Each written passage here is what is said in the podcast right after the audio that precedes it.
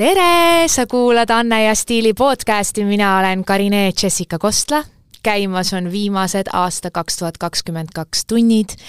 ja meile on külla tulnud raadio- ja telesaatejuht Katri Teller tere, Karine! nii tore on olla siin, aitäh, et sa kutsusid mind! nii tore, et sa tulid, ka kuulajatel on kindlasti väga põnev vestlus ootamas, mida nad saavad ka kohe kuulda ja kuna tõesti kolmkümmend üks detsember on käes, meil on mõned tunnid veel jäänud, vaatame natukene tagasi. kui sa peaksid iseloomustama seda möödunud aastat kaks tuhat kakskümmend kaks kolme omadussõnaga, mis need oleksid? ootamatu, pöördeline, kaootiline mida see tundub nagu need iseloomustaks mingit ühte asja või? see on nagu see, et äh, öeldakse, et kui inimene, äh, jumal naerab, kui inimene plaane teeb ja mul olid ka siin äh, kevadest plaanid, et ja sügisest ma lähen pensionile. ma olen rahaliselt vaba. ma saan elada sellist elu, nagu ma soovin ja ma tunnen, et ma soovin teha vahel mitte midagi. teha ümber maailma reis, kolida Austraaliasse mõelda, mis tunne see on, et kui sa ei pea mitte midagi tegema ja igal hommikul ärkad selle tundega, et hmm, mida ma täna huvitav teha sooviksin. käisin investeerimisfestivalil suvel esinemas, kus ma siis ütlesin ka selle välja, et sügisest ma võtan endale vähemalt ühe vaheaasta, kus ma ei tee mitte midagi, siis läks mööda üks kuu ja mulle helistas eh, Signe Suur TV3-st ja kutsus mind casting ule. ja siis läkski nii, et nüüd ma olen siin päris kõvasti rakkes olnud ja aga sa ei ole ju mitte ainult teles, vaid samamoodi ka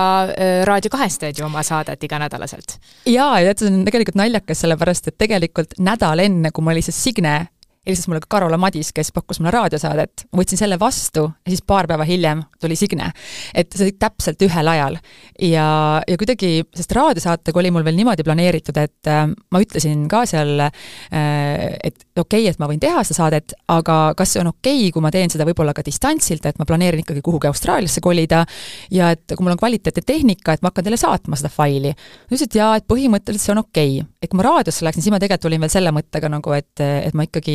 ei ole veel Eestis enam edasi. aga nüüd olen Eestis rohkem kui kunagi varem. aga miks just Austraalia? ma ei tea, mul on mingisugune unistus sellega seotud, et ma pole kunagi käinud seal ja ma lihtsalt äh, tunnen, et kuigi ma olen tööalaselt ülipalju reisinud ja ma olin äh, tegelikult, kuna ma tegin sellist äh, korporatiivset karjääri, ma olin igal nädalal lennukis. aga kõik sellised Euroopa lennud, Milano, London, Skandinaavia, aga maailma mõistes ma ei ole väga palju reisinud ja ma tahaksin äh, tunda rohkem, et mis tunne on kusagil päriselt elada. Äh, mul on see tunne, ma olen elanud äh, Stockholmis, Helsingis, ma olen elanud Milanos ja Londonis, aga mul ei ole nagu sellist kaugemat kogemust. ja siis ma lihtsalt mõtlesin, et lihtsam oleks olla mõnes riigis, kus on inglisekeelne keskkond. ja neid riike liiga palju ei ole, sul on Kanada, USA, Austraalia, Lõuna-Aafrika, mõned riigid veel, aga, aga lihtsalt see tundus mulle selline mõte, et seda võiks proovida. aga noh, ütleme nii, et äh, tegelikult äh, mul on mitmeid unistusi ja mõnikord on nii, et äh, hetkel ma lihtsalt täidan ühte teist unistust ja eks ma siis jõuan kunagi oma neid teisi unistusi täita, et midagi eest ära ei jookse. no see unistus, mida sa praegu täidad, enne seda, kui sinust sai raadiohääl ja telesaatejuht, sinu podcast Blondcast on see, millest me räägime, on üks enim kuulatud Eesti podcast'e. ja seal oled sa väga avameelselt äh, rääkinud erinevatest teemadest, sealhulgas ka sellest, et tegelikult selline telekarjäär on olnud ka sinu unistus. jaa, see oli mul tõesti kui ma olin äh, noor, ma unistasin äh, näitlejaks saamisest, ma unistasin lauljaks saamisest ja ma unistasin saada saatejuhiks laulja teemaga ma küll natukene midagi nikerdasin nooremana, ma käisin muusikakeskkoolis, ma mängisin viiulit ja klaverit. Ja selliste väiksete, väikeste sutsakatena mul oli paar sellist mm, proovi nagu justkui oli, aga see ei olnud jätkusuutlik, sellepärast et äh, mul tollal ei olnud äh, võimalik äh, nii palju teha seda, mida ma armastan, vaid ma läksin siis sellele teele, et äh, raha oli vaja ja läksin siis nii-öelda tavalisele tööle, et äh, kus see stabiilne sissetulek tuleks ja ma arvan, et see on väga tüüpiline. ja ma, no ma ei tea, kas ma täna teeksin midagi teistmoodi, sellepärast et äh, samal ajal vaadates nüüd täna seda turvatunnet, mis mul on rahaliselt ja ja millist elu ma olen elanud, siis tegelikult ma usun seda, et mitte kunagi ei ole mitte millekski liiga hilja ja kuna ma olen teistpidi asju teinud, siis mul jälle, täna on jälle see tunne, et ma päriselt saan teha kõike, mida ma tahan, sest ma olen ennast kindlustanud äh, selles mõttes, et mul ei ole tegelikult, ma ei pea midagi tegema, ma saan teha neid asju, mida ma tahan teha, mis on lihtsalt minu jaoks olnud äh, elu muutev, sellepärast et ma olen terve elu pidanud tegema asju, mida ma pean tegema. ja ma lihtsalt olen mõelnud nii, et äh, iga asi omal ajal, mõne unistusega on nii, et äh, sa ühel hetkel saad aru, et tegelikult sa ei tahagi seda enam teha, ja mõne unistusega on nii, et sa saad aru, et sa võid teha seda ka siis, kui sa oled viiskümmend või kaheksakümmend. et ma annan endale rahulikult aega. sa mainisid ka seda, et sa õppisid muusikakeskkoolis, sa oled äh, mänginud viiulit ja mul on alati tekkinud üks küsimus sellega seoses. kui palju sa tänasel päeval kuulad äh, klassikalist muusikat? piinlikult vähe. piinlikult vähe. ma tahan sellega rohkem nüüd taastutvust teha, minu äh, perekond, sugulased, kõik on äh, enam, enamus on neist muusikud, mängivad erinevaid pille, esinevad kontsertidel, käivad kontsertidel ja ma ise tunnen, et mul elu, minu eluviis on kuidagi hästi teistmoodi kui nendel inimestel, kes on siis äh, mulle lähedased siis pere mõttes. ja, ja kuidagi ma olen irdunud natukene nagu selline äh, lammas, kes on siis aia taha läinud või, või see esimene kõrbenud pannkook siis, et lihtsalt äh, kuidagi ma tunnen jah, et mingisugused asjad, mis olid mulle olulised või lähedased äh, lapsena, ma igatsen neid asju ja ma tahaks neid oma, oma ellu siis nagu lähemale tuua, aga lihtsalt äh, mõned valikud elus on olnud sellised, mis on ratsionaalsed olnud. ja ma ei ole võib-olla leidnud sellist äh, kuldset keskteed, et ma olen kogu aeg olnud nii-öelda siis all in nii-öelda selles ühes asjas ja, ja pole võib-olla see tasakaalu leidmine on elus üks pidev selline äh, pidev tegutsemine, et ikka see tasakaal säiliks, aga seda on ikkagi, ütlen ausalt, et äh, väga raske teha. teoorias lihtne, praktikas keeruline, vähemalt minul no sa mainisid, et üks on siis äh, võib-olla klassikaline muusika ja need kontserdid, kus käia, aga mis on veel need midagi, mille puhul sa tunned, et sa tahaks justkui nüüd äh, taas tuua oma ellu, mis lapsepõlves oli? Võib-olla üldse see, et äh, kui ma mõtlen, äh, kust ma pärit olen ja oma lapsepõlve, oma perekonda, ma tegelikult ka oma perekonnaga olen selles mõttes lähedane, et me suhtleme siis äh, Whatsappis iga päev ja saadame üksteisele toredaid videosid ja pilte ja, ja nalju ja, ja suhtleme, aga füüsiliselt ma tunnen ka kuidagi, et see elutempo on olnud äh, kiire ja tegelikult äh, lähedaste inimeste jaoks peab ikkagi seda aega võtma, sellepärast et seda ei leia nagunii mitte kuskilt. et see on ka üks selline tähelepanek nüüd, et mida ma arvan, et tuleval aastal, et ikkagi mm, samuti mul on ka üks vanaema veel Haapsalus, et kuidagi ma olen mõistnud, et mõne asja jaoks ei ole meil igavesti aega. on mõni asi, mida me ei pea kohe tegema, aga mõne asjaga on nii, et, äh, et sul võib-olla kümne aasta pärast on liiga hilja. no kõike tõesti ei pea tegema kohe, aga sellel aastal oled sa teinud ju väga palju. ma olen teinud palju ja, ja ma kuidagi ma, mul on kuidagi väga erinevad segased emotsioonid sellega kõigega seoses, sellepärast et äh, ühest küljest ma tõesti siis täidan oma unistust ja ma olen meeletult palju õppinud ja ka võib-olla peale seda, kui ma nüüd räägin just sellest äh, teletööst, et siis on huvitav, kuidas äh, ma oma siis eelnevas karjääris suhtlesin meeletult inimestega ja kuna ma töötasin jookide valdkonnas, siis ma käisin väga palju erinevates restoranides ja baarides ja see selline peale kaheksat sotsialiseerumine oli väga suur osa minu elust. aga nüüd lihtsalt ma vaatan, et neid inimesi, kellega ma suhtlen, on ju väga palju erinevaid. ja eriti peale seda Covidi aega, kus ma siis tõesti hulkusin üksinda metsas, on kuidagi väga suur kontrast ühtäkki teha kolm intervjuud päevas ja selle lühikese ajaga, et kui palju neid erinevaid inimesi ja energiaid on läbi käinud, et see on olnud selline tohutult suur õppimine, arusaamine, et on väga palju asju, mida ma veel ei oska, on väga palju asju, mis mind huvitavad rohkem, kui ma arvasin, ma olen saanud üle paljudest eelarvamustest, aga samuti ma olen ka õppinud ennast nii palju tundma, et ma saan aru, et mis on asjad, mis mulle ka üldse ei meeldi. et kuidagi see on selline ühest küljest ka nagu selle uue ameti õppimine, aga teisalt ka väga suur osa nagu sellest enesearengust või enda õppimisest, et, et kuidagi ma olen väga palju enda kohta teada saanud. Missugused on olnud need eelarvamused, millest sa oled üle saanud? võib-olla mõned inimesed, mul on saadet tehes see probleem, et ma ütleme, kõige suurem väljakutse on minu jaoks see, et ma ei tea Eesti kuulsusi ja see on sellepärast, et ma olen siis viimased kaksteist aastat olnud põhiliselt Eestist eemal ja kõik, kes said tuntuks siis kuni aastani kaks tuhat kümme, neid inimesi ma tean ja kõik, kes on saanud hiljem tuntuks, siis jah, sotsiaalmeediast keegi kuskil vilgatab, siis seda ma olen kursis, aga ma kuidagi noh, ma ei ole nagu piisavalt äh, nagu kaardil nii-öelda sellega seoses, et see on üks minu suurimaid väljakutseid. Ja mõne inimese puhul lihtsalt võib-olla, kui on mingi väga väike asi kusagilt vilksatanud, et siis ma olen tähele pannud, et kui tobe on see, et oma peas luua siis mingisugust kuvandit inimesest, keda sa tegelikult ei tunne, ja tänaseks ma olen sellest juba täielikult äh, lahti lasknud, et äh, mul on paar valdkonda võib-olla, kus ma olen endiselt kriitilisem ja need valdkonnad on siis äh, võib-olla see, et kui mm, ma olen väga selline teaduse usku inimene ja võib-olla see üks valdkond, mis minu jaoks on natukene mm,, kuidas ma siis ütlen, hell, on see, et äh, ma väga tunnen seda, et kuidas meedia on meedia on see koht, kus me anname platvormi erinevatele inimestele. ja kuidagi, kui ma vaatan ringi, et millistele inimestele me anname platvormi, siis mulle tundub kuidagi, et äh, tahaksin veel enam esile tõsta arste, teadlasi, õpetajaid, inimesi, kes teevad meeletult suurt tööd, aga nad ei oska ennast turundada.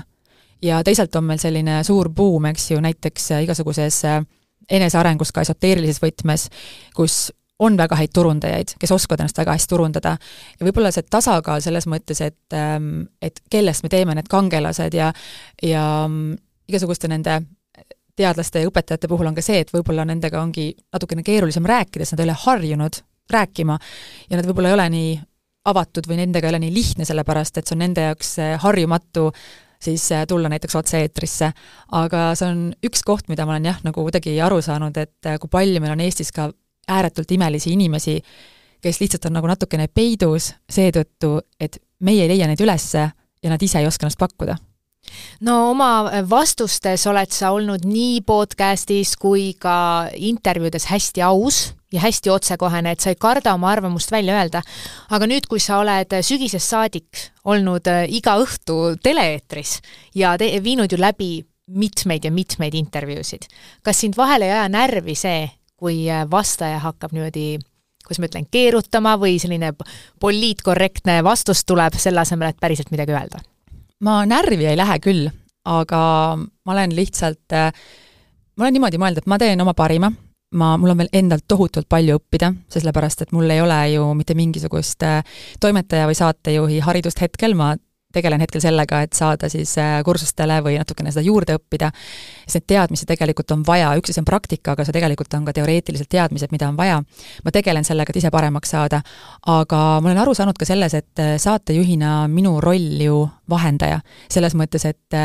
see ei ole mina ei tee seda inimest ja see inimene annabki endast välja seda, mida tema soovib ennast välja anda. ja siis see televaataja saab juba teha ise need järeldused, et äh, kuidas talle see inimene meeldib või, või kuidas äh, ta sellesse inimesse suhtub või et ähm, see ei ole nagu minu teha, et ma proovin küsida neid siis küsimusi, mis tunduvad mõistlikud, toimetajad on meile meeletult suureks abiks loomulikult seejuures ja suunavad, aga paar korda on küll nii olnud, et kui ma tunnen, et et inimene ikkagi kuidagi ma olen paar korda läinud võib-olla pisut teravaks võib-olla, mida ma ei tahaks teha, sellepärast et me oleme ikkagi meelelahutussaade, aga eks ma ka õpin, et tegelikult ma, minu roll on lihtsalt olla vahendaja ja pakkuda siis äh, sellist toredat, kerget õhkkonda, kus kõik saaksid ennast väljendada ja televaatajad oleks väga tore nagu vaadata. aga kas sul on ka mõningaid eeskujusid saatejuhtidena, keda sa väga imetled või kelle puhul tahaks midagi niimoodi kahe kõrva vahele panna, et hoian meeles? No mul on äh,, välismaalt on mul üks väga suur lemmik, on äh, Louis Theroux, kes lihtsalt äh, on lihtsalt meeletult äge inimene ja iidol minu jaoks. mulle meeldivad saatejuhid, kes on sellised äh, säravad ja heatahtlikud, aga samal ajal nõudlikud. et sellised inimesed võib-olla, kes tekitavad külalisele hea emotsiooni ja helge atmosfääri, aga samal ajal äh, nad oskavad ka küsida ja, ja nad on piisavalt võib-olla ette valmistunud, et inimesest ka nagu teaksid. mul on see pool ka natukene see, mida ma pean veel endiselt õppima, sest et äh, ma olen nüüd siin äh, kolme kuuga teinud äh, appike nagu palju intervjuusid, vist kas peaaegu kakssada juba, et see on nagu väga suur hulk, arvestades seda väikest aega ja kogemuse puudumist, aga, aga lihtsalt, et ähm, ka nende väikeste intervjuude jaoks tegelikult on see taust vaja endale selgeks teha ja mõnikord ma tunnen, et ma ei ole seda piisavalt teinud et äh, sul on alati mugavam seal intervjueerija rollis olla, kui sa tegelikult äh, tead ka selle inimese minevikku, tema mõtteviisi, et osata paremini küsida.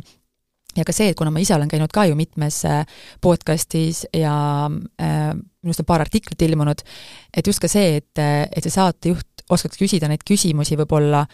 mis on natuke teistmoodi kui, kui, kui igas teises siis intervjuus, sellepärast et mul on endal mõnikord selline tunne, et ma külalisena räägin sedasama juttu kogu aeg ja ma tean seda, et erinevatel platvormidel on erinevad kuulajad ja vaatajad, aga kuna ma, mul endal tekib nii tobe tunne, et ma olen seda rääkinud, siis ma ei oska seda kolmandat korda enam normaalselt rääkida. ja mul on niisugune tunne, et kõik juba nagunii teavad ja siis ma jätan mingisugused laused vahele ja mul on juhtunud seda ka esinedes, et ma lähen esinema ja mul on selline tunne, et kõik nagunii teavad, et miks ma räägin sellest. Aga siis sellest tuleb väga halb esinemine, sellepärast et ma lähengi sinna lavale umbes, et ah, te nagunii teate, et oh, oli niisugune asi ja niisugune asi, aga tegelikult nad ei tea. aga endal mm -hmm. tekib see tobe tunne et, et noh, siin on palju selliseid aspekte tegelikult, äh, mida ma olen mõelnud ka nagu olles selles külalise rollis, et mida ma võiksin teha paremini siis saatejuhi rollis aga kui me räägime nüüd meediamaastikust üleüldiselt, millest sa ka unistasid pikalt, sa oled jõudnud, mitmel rindel oled saatejuht, aga kuidas ma ütlen, tihtipeale see meelelahutusmaailm ja see kõik tundub nii särav, nii glamuurne, see on kõik nii äge, kogu aeg on piu-pau, noh, ainult hästi, ainult noh, kogu aeg on ülev meeleolu. kas oli midagi, mis sind üllatas või milles sa suisa äkki pettusid? ma ei ole võib-olla liiga üllatunud, Äh, ma pisut võib-olla alahindasin seda töömahtu, et see on ikkagi tegelikult rets töö, mis käib äh, ühe saate taga, see tiim, äh, produtsent, toimetajad, operaatorid, režissöörid, grimeerijad, kõik, kõik, kõik see, see kogu see suur tiim, kes kõik tegelikult saadet kokku paneb et kui televaataja vaatab seda saadet, ta näeb ainult äh, külalisi ja saatejuhte, aga tegelikult see on meeletu tiimitöö, see on koostöö ja kõik see, et äh, kuidas sellises hektilises keskkonnas omavahel kokku hoida, äh, inimesed, kellel on võib-olla erinevad arvamused, kuidas neid asju lahendada, kui tekib olukord, et viimasel minutil keegi ei saa tulla näiteks, see on väga hektiline ja see on meeletult suur töö, et ka võib-olla õppida seda koostööd ja üksteise hindamist ja ka inimeste hoidmist, et et see on lihtsalt kõik see mahuliselt on kõik palju suurem, kui ma kuidagi oskasin arvata. aga see on ka väga andev, sellepärast et mul on selline tunne, et mul on selle lühikese ajaga tekkinud juba täiesti uus eh, perekond ja ma näen neid inimesi ju pea iga päev ja, ja see on nagu perekonnas on samamoodi, et need inimesed, kes on sulle väga lähedased, kuna mul on ka ju palju õdesid, et sa tead, et lähedastega sa ikka ju vahepeal teed sa niimoodi togid üksteist küünarnukiga ja kuule, emme, kuule, ma ei tea, Mari kiusab, aga tegelikult noh, lõpuks on ikkagi nii, et sa armastad seda Mari väga palju, eks ju mm. -hmm. et, et see, et see kuidagi, see tiimitunnetus ja see on kõik väga äge olnud, aga väga kontrastse, kontrastne siis minu eelmise elustiiliga, sellepärast et äh, ma juhtisin siis Skandinaavia ja Baltikumi riike ühes börsiettevõttes, aga ma tegutsesin väga palju üksinda, et mul olid siis erinevad tiimid eri riikides, aga ma igapäevaselt olin üksi. ja see on lihtsalt äh, jällegi selline suur nagu vette hüppamine ja ka võib-olla austus ja respekt meedia vastu üldiselt, sellepärast et äh,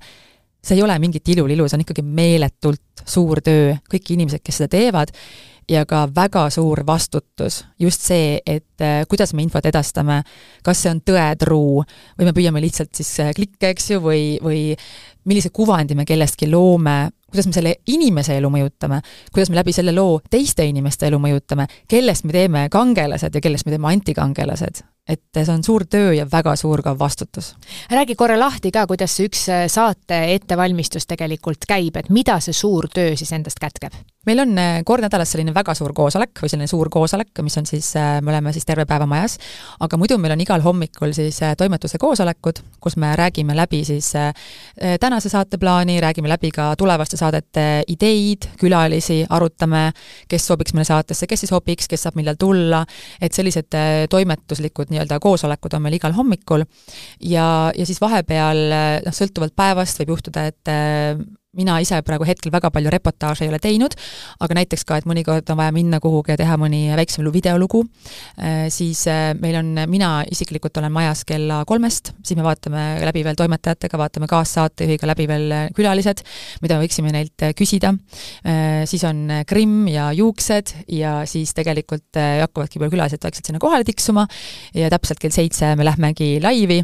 siis on meil seal kaks sellist väikest reklaamipausi, kus me saame ilusti siis siis selle järgneva külalisega siis äh, läbi rääkida. külalised on väga erinevad, sest et äh, on ka külalisi, kes pisut äh, kardavad näiteks kaamerat ja just see, et nad tunneksid ennast mugavalt ja eriti need, kellel ei ole siis sellist kogemust olla kaamerate ees. et peaasi on see, et see inimene tunneks ennast hästi, see on väga oluline siis me teeme selle saate nii hästi, kui me suudame, kell kaheksa meil saab saade läbi, siis me lähme koju ja hommikul siis võtame selle kokku, selle eelmise päeva ja, ja lähme edasi. et iga päev on uus päev, äh, et sa jõuad justkui mingi ühe projektiga, saad valmis, aga homme on jälle sama olukord, kus on, et see on väga selline intensiivne kui sa nüüd rääkisid sellest, et selles tööprotsessis tegelikult võib ju natukene tekkidagi selline tunne, et sa justkui teed, teed, teed, et midagi saaks valmis ja siis sa päriselt ei jõuagi seda nautida, sest kõik hakkab otsast peale. täpselt. aga kuidas sa ise oled inimesena, kui sa oled unistanud ja sa oled äh, ju väga palju vaeva näinud ja tööd teinud, et oma unistuste suunas liikuda, et need ära sooritada, kas sa oled ise mingil hetkel ka tundnud sellist tunnet, et oota, isegi kui ma selle ära saavutan, ma ei ole ikkagi kohal, läheb veel edasi? väga palju, see oli väga hea küsimus väga palju olen tundnud seda. Ja see on ka üks asi, mida ma arvan, et äh, mitte ainult mina, vaid me kõik võiksime elus õppida, sest meie elu on nii kiire. Ja meil on kogu aeg kiire ja ja meil ei jää lähedaste jaoks aega ja kogu aeg on vaja midagi teha ja meil on nii palju informatsiooni, informatsiooni üleküllus. Ma olen ostnud endale vist mingeid kümneid koolitusi, mis mind huvitavad, aga kuhu ma ei ole kunagi jõudnud siis sisse isegi logida, sellepärast et mul pole aega. ja kuidagi, et me nagu upume selle info alla, et me suudame, et me iga päevaga hakkama saaksime, aga samal ajal tegelikult siis vaatad tagasi ja mõtled, et appi, et aga mis ma siis päriselt ära tegin. ja ma arvan, et see aasta lõpp on hästi hea koht võib-olla meil kõigil vaadata aastad tagasi ja mõelda selle üle, et mis läks väga hästi, mis on need võib-olla valdkonnad meie elus, mida me võiksime parandada või on äkki mõni valdkond, mis on meil läinud täiesti unarusse, selle kiire elustiili juures väga paljudel ilmselt võib-olla jääb tervis unarusse ja ilma terviseta meil ei ole mitte midagi, vaadata tagasi ja ka võib-olla seda, et noh, et mida siis jätkata, mida parandada ja ka mida lõpetada oma elus. aasta lõpp on väga selline sümboolne võib-olla, et kui mõned asjad su elus ikkagi üldse ei tööta, olgu selleks äh, mõni suhe,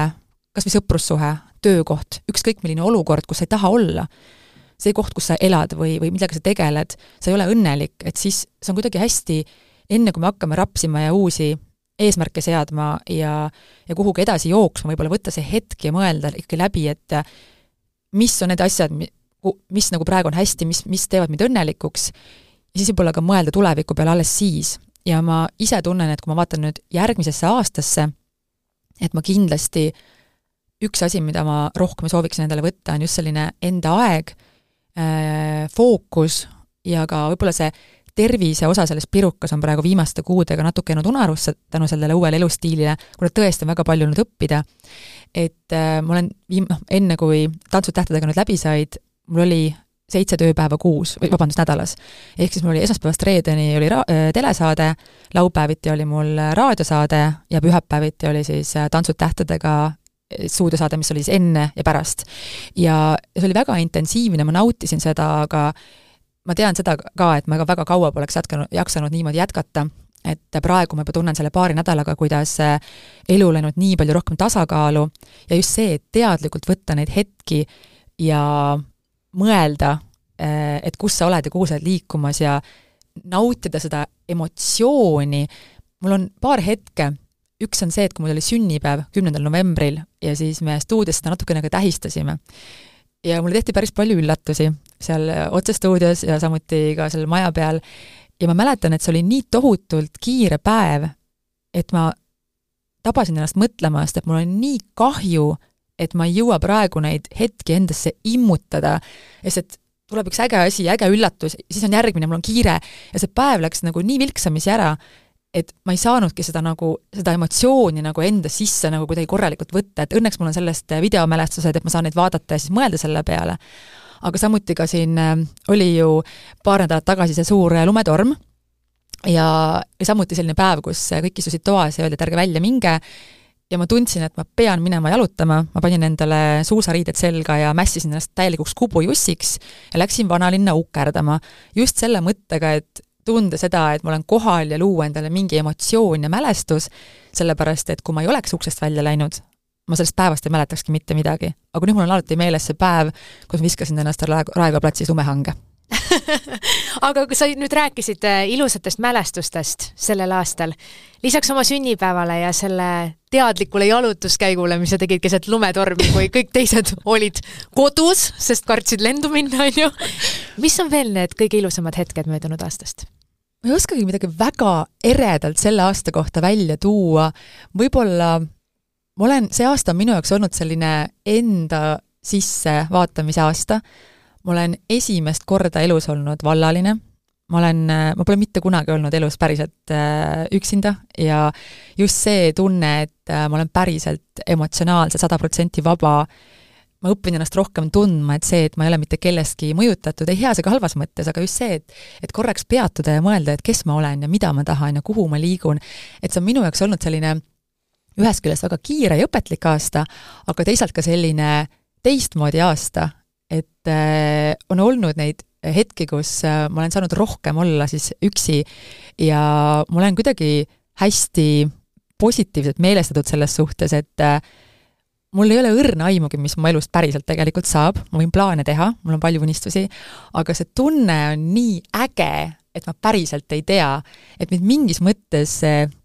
see mõte või see, see emotsioon, et ma päriselt ei tea, tekitab minus meeletult äh, elevust ja, ja sellist äh, rõõmu ja sellist, et täitsa lõpp kui äge, mis mu elus kõik veel juhtuda võib, sellepärast et ma olen nagu täna puhas leht, et ma ei pea midagi tegema, mida ma ei taha, ja ma saan teha neid asju, mida ma soovin, ja ma saan veel otsustada, et mida ma soovin teha, ja lõpuks ma ei tea, kuhu see kõik välja jõuab. et see on jube äge tunne kas sinu puhul võiks äh, rakendada seda lauset ka, et kui öeldakse inimestele, et kujuta nüüd ette, et sa ei pea äh, enam äh, raha pärast muretsema, et sa oled selles osas vaba, mida sa siis tahaksid teha? siis sellisel juhul, kas sina praegu elad oma unistuste elu? ma arvan, et ma olen selline inimene, et äh, isegi see mõte, et ma nüüd aasta aega ei tee mitte midagi, see oleks mitte kunagi realiseerunud ilmselt need inimesed, kes äh, suudavad ennast rahaliselt vabaks äh, pusida, et sellel on ka mingisugune mõte, ma, ma väga ei usu sellesse, et need inimesed suudaksid lihtsalt olla nii, et nad ei tee mitte midagi. et ma kindlasti midagi teeksin, aga järjest rohkem oma elus ma proovin liikuda sinna, et ma teen neid asju, mida ma teeksin ka päriselt ilma rahata. ja kui mõtlen ka oma tänast elu, mida ma teen, et äh, ma teen seda raadiosaadet ja ma teen telesaadet Need on asjad, mida ma teeksin ka tasuta. samuti ka nagu äh, uus podcast, äh, millega ma alustasin nüüd äh, siin kaks nädalat tagasi nimega Rahareede. et äh, see podcast on samuti mul selline oluline beebi ja me teeme seda koos äh, Kristjan Liivamägiga ja kuna see teema mind ennast äh, tohutult äh, kõnetab äh,, mulle väga meeldib see mõte, et me saame arutleda teemadel, mis teisi aitavad, loovad mingisugust väärtust ja selle käigus ise õppida, siis ma päriselt tunnen, et äh, ma olen õnnelik, sest ma teen seda, mida ma armastan ja ma saan seda endale lubada, sellepärast et ma ei pea otsima endale sellist kõrgelt äh, tasustatud äh, töökohta, sest ma ütlen ausalt, et minu äh, selline aktiivne sissetulek langes umbes viis korda peale seda, kui ma lõpetasin ära siis oma sellise korporatiivse karjääri. aga see ongi võib-olla hea näide sellest, et kuskilt maalt see ei ole raha, mis sind teeb õnnelikuks. ma ikkagi usun ka seda, et kui raha ei ole, siis see on päris nadi, et me võiksime kõik püüelda sinnapoole, et meil on ikkagi see mingi tase, kus meil on nagu hingerahu, aga kusagilt maalt äh, me saame aru sellest, et äh, elu on lühike ja, ja me ei ole siia ellu sündinud selleks, et kannatada. ja selleks, et mitte kannatada, me peame võib-olla mõned aastad tegema midagi, mida me kõike ei taha teha, aga selleks, et me saaksime hiljem teha midagi, mida me armastame teha. sul on olnud nii tegus sügis ja talv äh, otsa ja tegelikult ka enne seda, sa oled kogu aeg olnud äh, nii rakkes, nii töökas. mõnikord inimene väsib siis ära ja siis võib-olla tuju ka langeb ja tekib niisugune moment, et tegelikult natukene tahaks võib-olla vinguda, aga ma olen kuulanud äh, sinu podcast'i, sa oled öelnud, et sa pole vingunud aastast kaks tuhat viis. kas sellel aastal õnnestus sul ikkagi ühe korra vinguda ka või oled jätkuvalt ikkagi pigem tegude rindel? Uhkusega teatan, et Katri Teller on sellel sügisel kõvasti vingunud. tohoh tabasin õige hetke, see oli on väga head küsimused, me just enne rääkisime sellest, et kuidas küsitakse samu küsimusi. no sinu küsimused on nagu väga head praegu. tõesti siis, et äh, ma tunnen ja see on jälle olnud üks meeletu õppimise koht, et ma ma ei ole vingu inimene, päriselt ma ei ole, ma igas olukorras olen niimoodi, et mis sa vingud nagu, pigem mind jääb nagu lausa natukene kurjaks, kui keegi vingub, et mõtlen, mida sa vingud, kõik on hästi ju. tegelikult on ka, kõik sõltub sellest, et kuidas sa asjale vaatad. aga nagu sa ütlesid, kui tekib selline meeletu väsimus ja, ja kõik see, et siis ma olen paaris olukorras tabanud ennast mõtlemast appi, ühel päeval keegi ütleb, et ma olen raske inimene. siis ma mõtlesin, et aga miks, siis on sellepärast, et mul on ikkagi ju väga kindel mingi enda arvamus asjadest,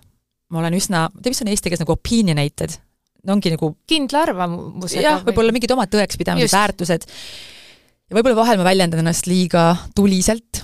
ja, ja võib-olla kui mingid asjad ei lähe nii, nagu ma soovin ja ma olen sõltuvuses siis teistest inimestest ja harjunud olema siis selline, ma ei taha öelda üksik hunt, aga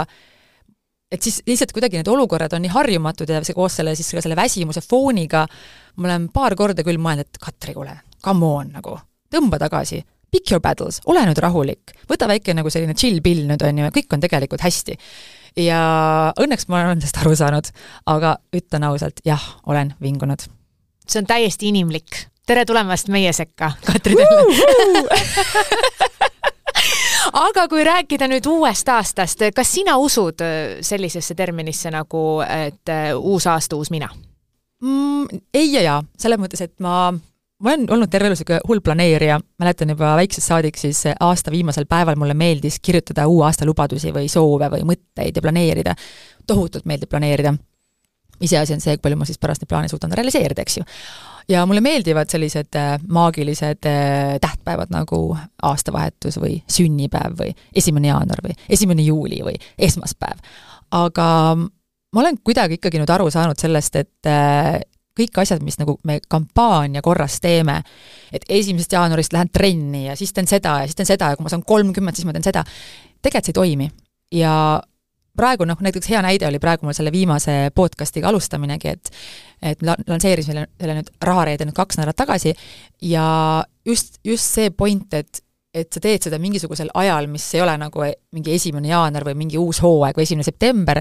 vaid lihtsalt, et okei okay,, teeme selle asja nüüd lihtsalt ära, hakkame pihta. ja ma proovin kõiki asju oma elus selliselt nüüd teha, et kui mul mingi mõte tekib, et ma ei, ma ei jää ootama mingit tähtaega, sellepärast et siis see lihtsalt ei toimi, pigem ma mõtlen, et ma hakkan võtma niisuguseid nagu baby steps'e või, või niisuguseid beebisamme väikseid sammukesi, tipusammukesi, et lihtsalt näiteks trenniga ma ei ole väga sportlik inimene olnud oma elus, et lihtsalt natukene siis hakata, mine natuke jaluta, mine natuke suusata, siis ma proovisin EMS-trenni, kõiki asju, et natukene, natuke teha ja lõpuks, kui sa teed seda järjepidevalt ja sa ei väsita ennast ära, ühel hetkel sa märkad, et sul on asjadel nagu tulemus et äh, see on asi, mida ma olen pidanud oma elus õppima, sest ma olen terve elu olnud selline null või sada. ja kui sa oled sada, siis on piu, jälle null mm. -hmm. ja praegu nagu minna vaikselt-vaikselt ja ma just nägin täna vist kas Instagramis kuskil sellist äh, lauset äh,, ma vabandan, ma ei mäleta seda äh, härrasmehe nime, aga see lause kõlas nii, et äh, kõige kiiremini me jõuame elus edasi aeglasemalt liikudes. minu meelest see on tohutult hea lause, et asi, mida mina pean ka palju, palju õppima, et ärme rapsi ja lihtsalt, kui me teame, mida me tahame, miks me seda tahame, siis vaikselt minna ja ühel hetkel sa saad aru, et sa oledki saavutanud need eesmärgid. ja see peab olema nii kärsitud ja me tahame kõike kohe ja tundub, et kõikidel on paremini ja tema sai kiiremini ja ma olen liiga vana ja see on suva. et ainus inimene, kellega sa võistled, oled sina ise. ja meil kõigil on tegelikult aega, kui me ennast hoiame no mida sina tahad ja ootad aastalt kaks tuhat kakskümmend kolm? esimene asi on see, mida ma alati tahan ja ootan, mis on hingerahu. see on mulle meeletult oluline, see tunne, et ma olen mina ise, ma ei tea, ma ei pea tegema kompromisse sellega, kes ma olen. ma saan ümbritseda ennast inimestega, kellest ma hoolin. Need inimesed, kes on minu ümber, nad hoolivad minust. ma saan tegeleda asjadega, millega ma soovin tegeleda ja olla armastatud ja hinnatud ja pakkuda ka teistele ellu killukest rõõmu. ja ma tunnen, et äh, kui ma vaatan nüüd kuni kevadeni, ma ei näe oma elus olulisi muudatusi, ma jätkan oma podcastidega, äh, raadiosaatega, telesaatega, ilmselt saab olema selline üsna kiire kevad, ma soovin õppida juurde siis toimetamist, saatejuhtimist, suvel ma loodan, et ma saan võtta natukene suurema pausi, ilmselt, Äh, vaatame, ma isegi tegelikult päris täpselt ei tea, kuidas need telehooajad jooksevad ausalt öeldes, aga kindlasti tahaks äh, olla rohkem looduses. Ja, ja kuidagi ma arvan, et see on esialgu piisav, sellepärast et ma olen tähele pannud, et kui sa oled sellises heas ähm, liikumises, siis tegelikult ei olegi vaja võib-olla liiga konkreetseid eesmärke panna, et peaasi, et see suund on õige. ja ma väga numbriliselt või arvuliselt tegelikult isegi arvan, et ma sellesse uude aastasse ei sisene. kui me nüüd mõtleme veel selle praegu viimaseid tunde käimasoleva aasta peale, siis äh, kas aasta kaks tuhat kakskümmend kaks on olnud üks sinu kõige ägedamaid aastaid elus? Jah ja ei. mul on elus olnud äh, päris mitu sellist pöördelist aastat ja ma arvan, et paljude inimeste elus on nii, et kui midagi juhtub, juhtub samal ajal veel palju teisi asju. ja see on üks selline aasta, mis mu elus on nüüd selline olnud. mul oli selline aasta ka aasta kaks tuhat kümme, mul oli selline aasta ka kaks tuhat kuus ja mul oli selline aasta ka kaks tuhat üks. mõned aastad, mis torkavad silma sellega, et sul lihtsalt väga palju asju elus muutub. ma võin öelda, et mul on olnud väga hea aasta ja ma lihtsalt tahaksin nüüd ka siin äh, järgnevatel päevadel kuidagi nautida seda või mõeldagi või protsessida siis nagu neid nädalaid ja kuid ja päevi või mõelda tagasi, et äh, minna tagasi nende asjade sisse, mis emotsioon mul mingil hetkel oli, kellega, kus, mida ma tegin, et seda kuidagi rohkem väärtustada.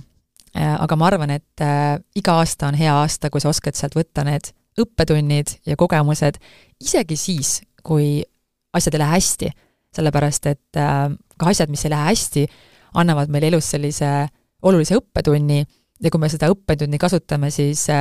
inspireerivalt, mitte selleks, et kibestuda, siis ma arvan, et see on ka olnud hea aasta.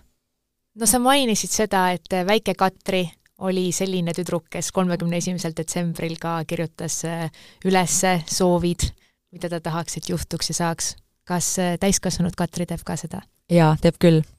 Ma usun mingis mõttes äh, manif-, manifesteerimisse, mitte selli-, sellises väga esoteerilises võtmes, aga just selles mõttes, et ma usun seda, et me saame elus seda, mida kuhu me keskendume, millele me keskendume, sest kui me keskendume millelegi, siis me märkame seda rohkem ja see lihtsalt tuleb meie ellu kiiremini. ja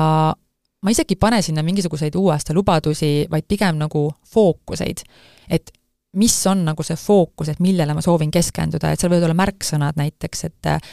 podcast või seal võivad olla märksõnad, et äh, näiteks äh, pere või mingi reis või mingisugused märksõnad, mida ma tahaksin teha mulle väga meeldib, äh, ma lugesin hiljuti ühe raamatu Die with zero ja ma olen teinud terve elu igasuguseid nimekirju ja liste ja bucket liste kogu aeg, see on mu loomuses. aga üks asi, mida ma hiljuti nagu paremini aru sain ka sealt raamatust, mis on tegelikult igati loogiline, on see, et me saame erinevaid asju erinevatel aegadel ja näiteks, et äh, kui sinu unistus on maja metsas, sa ei pea seda kohe järgmisesse aastasse panema, sellepärast et me saaksime selle, võtad oma elu ette niimoodi nullist saja aastani näiteks ja hakkad siis nagu näiteks erinevatele kümnenditele panema neid asju, et sa ei pea praegu nagu oma fookust panema selle metsamaja peale, kus tead, et sa võid elada ka seal näiteks tuhat kuuskümmend. aga täna võib-olla ma pean fookuse panema kuhugi mujale, mida mul ei ole siis kahekümne aasta pärast võib-olla nii võimalik nii kergelt teha. et just see, et aru saada ka seda, et kõik on võimalik, aga et millises eluetapis sa sooviksid kuhugi poole püüelda, sellepärast et kui me läheme igale poole, siis me lõpuks ei lähe mitte kuhugi. et see on üks selline õppetund, et ma panen need punktid endale kirja, mis ma prooviksin lühiajaliselt võib-olla, millele keskenduda, ja siis samuti on mu ka selline unistuste nimekiri võib-olla pikemas perspektiivis, ja ma ei näe mitte mingisugust survet, et ma peaksin need kuhugi nii-öelda timeline'i või ajajoonde hetkel kohe sättima sa ei näe selles eh, survet, aga survet näevad võib-olla või tunnevad väga paljud kuulajad, kes mõtlevad sellele tänasele päevale ja nad on mõelnud sellele juba päevi või nädalaid ja on see aastavahetus, see maagiline öö ja võiks ju teha midagi väga-väga ägedat ja samas on selline pinge, et mida teha. kas sina oled tajunud seda, et kuidagi kolmekümne esimese detsembri õhtu peab olema teistmoodi kui ükski teine peoõhtu? Ma arvan, et äh, kolmekümne esimene ongi teistmoodi, aga mul ei ole väga suurt võib-olla vahet, et kas see tähendab seda, et ma lähen kuhugi välja või see, et ma olen üksinda kodus. mul on kuidagi need aastavahetused sattunud täiesti juhuslikult ja, ja ma lihtsalt ei tea nagu mitte kunagi, mida ma teen, ta on minu jaoks pigem isegi selline päev, kus ma tunnen, et ma sooviksin võtta mingid tunnid, et olla täiesti üksinda ja väga tihti on see võimatu, sellepärast et see päev kuidagi läheb nii, et lähed sõpradega kuhugi või lähed, teed mingi õhtusöögi või lähed välja. Ja siis sul kuidagi pole aega selle jaoks. aga ma ise olen küll see inimene, et ma väga sooviksin see päev just nagu sümboolselt seda aastat äh, kokku võtta, et see tekitab endas sellise hea tunde ja rahu, et seda ei pea tegema alati kolmekümne esimesel, võib teha seda nagu siis aasta noh, lõikes pidevalt, aga minu meelest on kuidagi, noh, mulle meeldivad need sellised tähtajad või numbrid selles mõttes lihtsalt, et ta on selline hea vahefiniš võib-olla kuidagi. et sa lihtsalt vaatadki üle ja vaikselt niimoodi vaatad, okei okay,, et nüüd see lennuk on siin paar kraadi läinud siin nagu mingisugused tuuled on siin üleval ja viinud selle lennuki praegu, hoopis tahtsin minna Hispaaniasse, aga praegu olen siin teel Portugali poole. timmid jälle ära selle tšükk-tšükk-tšükk-tšükk ja lähed jälle õiges suunas nagu, vaikselt niimoodi siis, niimoodi kohandad või, või, või timmid, et see ei pea olema mingid radikaalsed pöörded või mingid radikaalsed otsused, juhul kui neid vaja ei ole. aga lihtsalt vaikselt niimoodi lähed ja, ja just see, et me suudaksime ise olla selles sellises nagu rahus, et oleks hea olla ja saada aru tegelikult, et kõik see mingi pinge ja stress, et et lihtsalt, et nagu hinga see lihtsalt välja, et meil on kõigil tohutult palju stressi ja muresid, väga palju ja iga inimese mure on talle kõige suurem mure. aga lihtsalt võib-olla ka aru saada asjadest, et kui me saame midagi parandada oma elus, siis võta ennast kätte, päriselt, tee ära see asi, lõpeta ära see asi, alusta see asi, et mida sa vindud. ja kui sa ei saa midagi muuta, et siis lihtsalt proovi teha sellega kuidagi mingisugune rahu. et võib-olla see on ka asi, mida ma olen pidanud ise väga palju õppima elus millised on sinu tänaõhtused plaanid? No minu tänased õhtused plaanid on sellised, et äh, ma lähen, saan äh, sõpradega kokku, me väga selline, tuleb selline rahulik äh, õhtu lähedastega ja täna olen juba siis tegelenud ka sellega, et natukene siis analüüsida oma aastat, olen sellises hästi mõnusas emotsioonis